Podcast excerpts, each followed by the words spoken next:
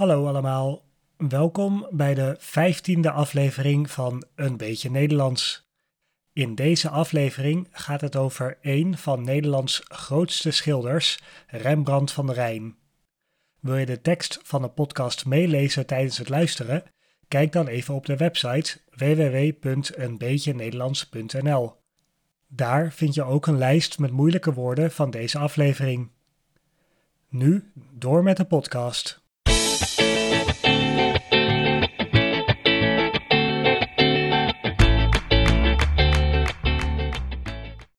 Rembrandt Hermanszoons van Rijn. De meeste mensen zullen wel eens van deze beroemde Nederlandse schilder gehoord hebben. Er zijn natuurlijk wel meer beroemde Nederlandse schilders geweest, zoals Vincent van Gogh, Johannes Vermeer, Frans Hals en Jeronimus Bos. Ik kan er nog wel een aantal noemen. Maar toch is Rembrandt voor mij de grootste. Vandaag ga ik het hebben over het leven van Rembrandt, dat bestond uit hoge pieken en diepe dalen. Rembrandt van Rijn is geboren in de stad Leiden aan het begin van de 17e eeuw, in 1606 om precies te zijn. Zijn vader was een molenaar, oftewel iemand die in een molen werkt. In die tijd was dat een beroep waar je aardig geld mee kon verdienen. De moeder van Rembrandt was een dochter van een succesvolle bakker. Je kan dus wel zeggen dat het gezin van Rembrandt het goed had. Dat blijkt ook uit het feit dat Rembrandt naar school mocht, wat in die tijd alleen de rijkere bevolking kon betalen. Vanaf zijn zevende ging Rembrandt naar school en vanaf zijn veertiende naar de universiteit. Daar studeerde hij letterkunde en hij heeft er waarschijnlijk ook de Bijbel bestudeerd, wat later in zijn werk goed van pas kwam. In veel van zijn latere schilderijen komen namelijk bijbelse taferelen terug. Op zijn vijftiende had Rembrandt een belangrijke keuze gemaakt. Hij wilde niet verder met zijn studie, maar hij wilde schilder worden. Je kon in die tijd het vak van schilder leren door bij een meester in de leer te gaan. De leerlingschilder leerde dan alle kneepjes van het vak, schildertechnieken, het voorbereiden van de verf en tekenles. Rembrandt ging in de leer bij de schilder Jacob van Zwanenburg in Leiden. Van Zwanenburg is zelf geen beroemde schilder geworden, maar hij kon Rembrandt wel de schilderkunst leren. Na drie jaar bij Van Zwanenburg verhuisde Rembrandt naar Amsterdam en ging daar een half jaar in de leer bij een andere schilder, Pieter Lastman. Lastman had in Italië gestudeerd, waar aan het begin van de 17e eeuw een nieuwe kunststroming ontstaan was, de barok. Deze realistische manier van schilderen, met veel schaduw en licht-donker contrast, was erg populair in Rembrandts tijd. De Italiaanse schilder Caravaggio is een van de bekendste grondleggers van deze schilderstijl. Hoewel Rembrandt zelf nooit in zijn leven in Italië is geweest, is Rembrandt duidelijk erg beïnvloed door Caravaggio.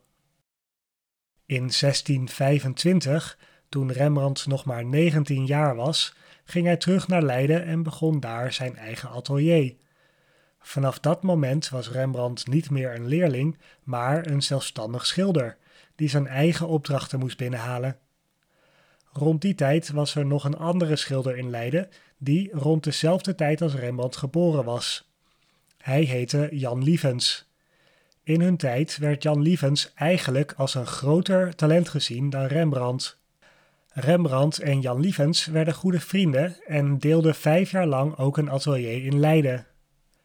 Ze leerden technieken van elkaar, gebruikten elkaar om portretten mee te oefenen en motiveerden elkaar om beter te worden. Tegenwoordig is Jan Lievens een minder bekende naam dan Rembrandt, maar in die tijd was het misschien wel andersom. Na vijf jaar samen in een atelier gewerkt te hebben, scheiden de wegen van Rembrandt en Jan Lievens weer. Rembrandt gaat opnieuw in Amsterdam wonen. Amsterdam is op dat moment een stad die enorm aan het groeien is. Er is veel handel en daardoor wonen er veel rijke mensen die graag een portret van zichzelf willen laten schilderen. De echt rijke inwoners kunnen zich een portret van Rembrandt veroorloven. Het gaat goed met Rembrandt, zowel zakelijk als in de liefde. Rembrandt verdient veel geld met portretschilderingen, omdat hij een unieke schilderstijl heeft. Portretten van Rembrandt zijn niet saai en statisch zoals veel portretten toen, maar juist met veel kleur en schaduwgebruik en beweging. Daarom wil iedereen die het zich kan veroorloven een portret door Rembrandt laten schilderen. In 1640, dan is Rembrandt 34, krijgt hij de opdracht om een van zijn beroemdste schilderijen te maken, De Nachtwacht. Dit schilderij ken je vast. Het is het grote topstuk van het Rijksmuseum in Amsterdam. Op het schilderij zie je de stadswacht van Amsterdam, die meestal bestond uit rijke burgers. Dat Rembrandt deze opdracht kreeg, zegt veel over zijn status in die tijd. De belangrijkste personen van de Amsterdamse elite wilden zich graag door Rembrandt laten vastleggen op een schilderij.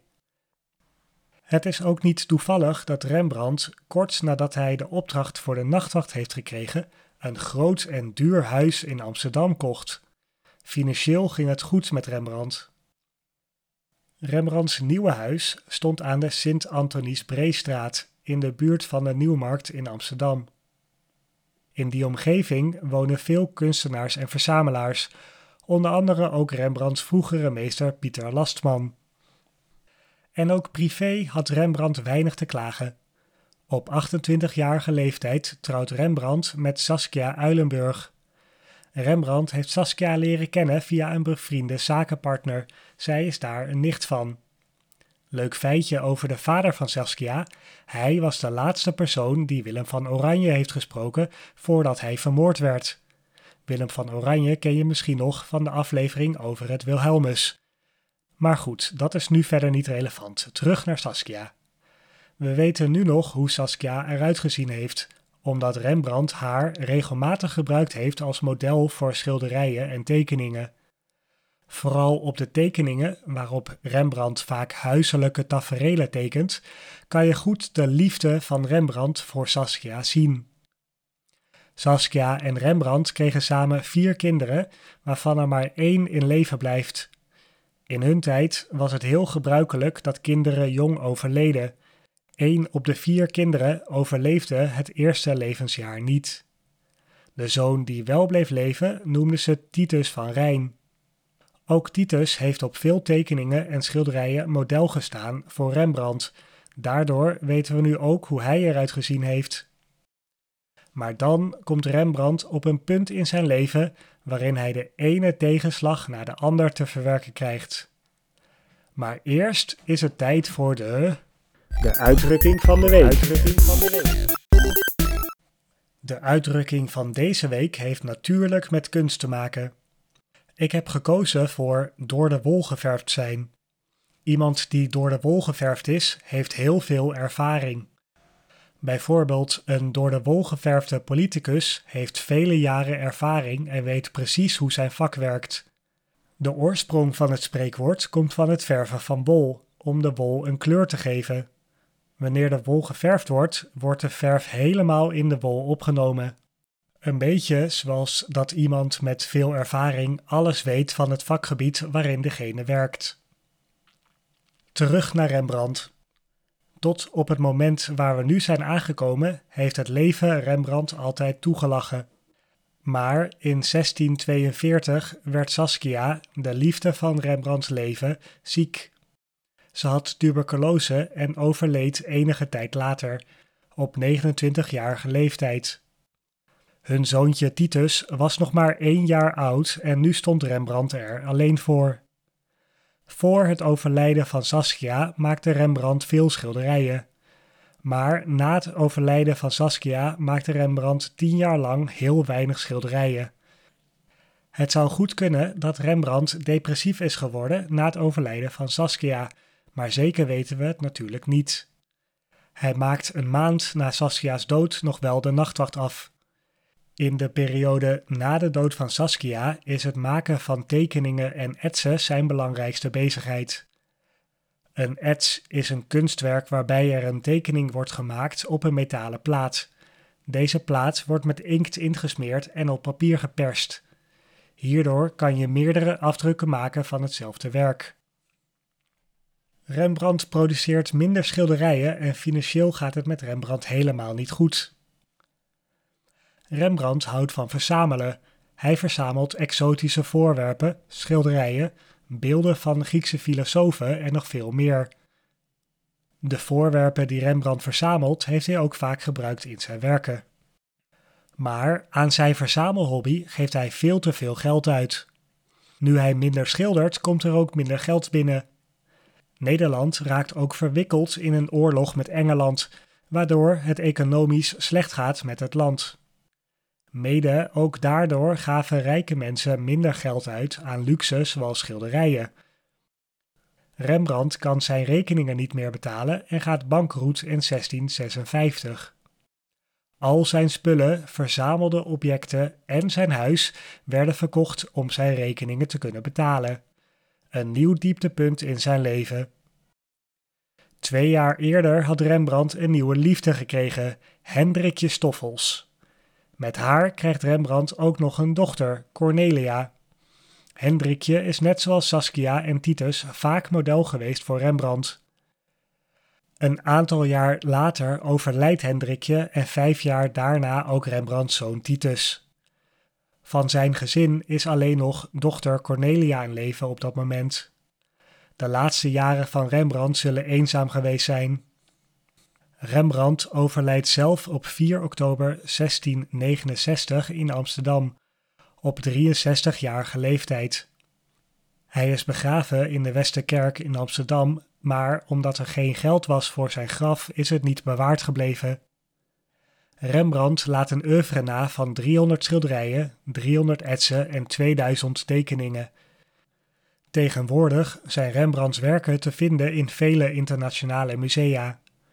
Een aantal topstukken hangen in Nederland, bijvoorbeeld in het Rijksmuseum in Amsterdam en het Mauritshuis in Den Haag. Het woonhuis in Amsterdam, waar Rembrandt woonde tussen 1639 en 1658, is tegenwoordig een museum, het Rembrandtshuis. In dit museum kan je zien hoe Rembrandt leefde en werkte. In het huis was ook Rembrandts atelier. Ik sluit af met een anekdote over Rembrandt. Rembrandt was bezig met een schilderij voor een rijke familie. Dan overlijdt opeens het favoriete huisdier van Rembrandt, een aapje. Hij wil als eerbetoon aan zijn huisdiertje een beeltenis van het aapje maken, maar heeft geen materiaal beschikbaar waarop hij iets kan tekenen. Dus besluit Rembrandt om het aapje op het schilderij van de rijke familie erbij te schilderen.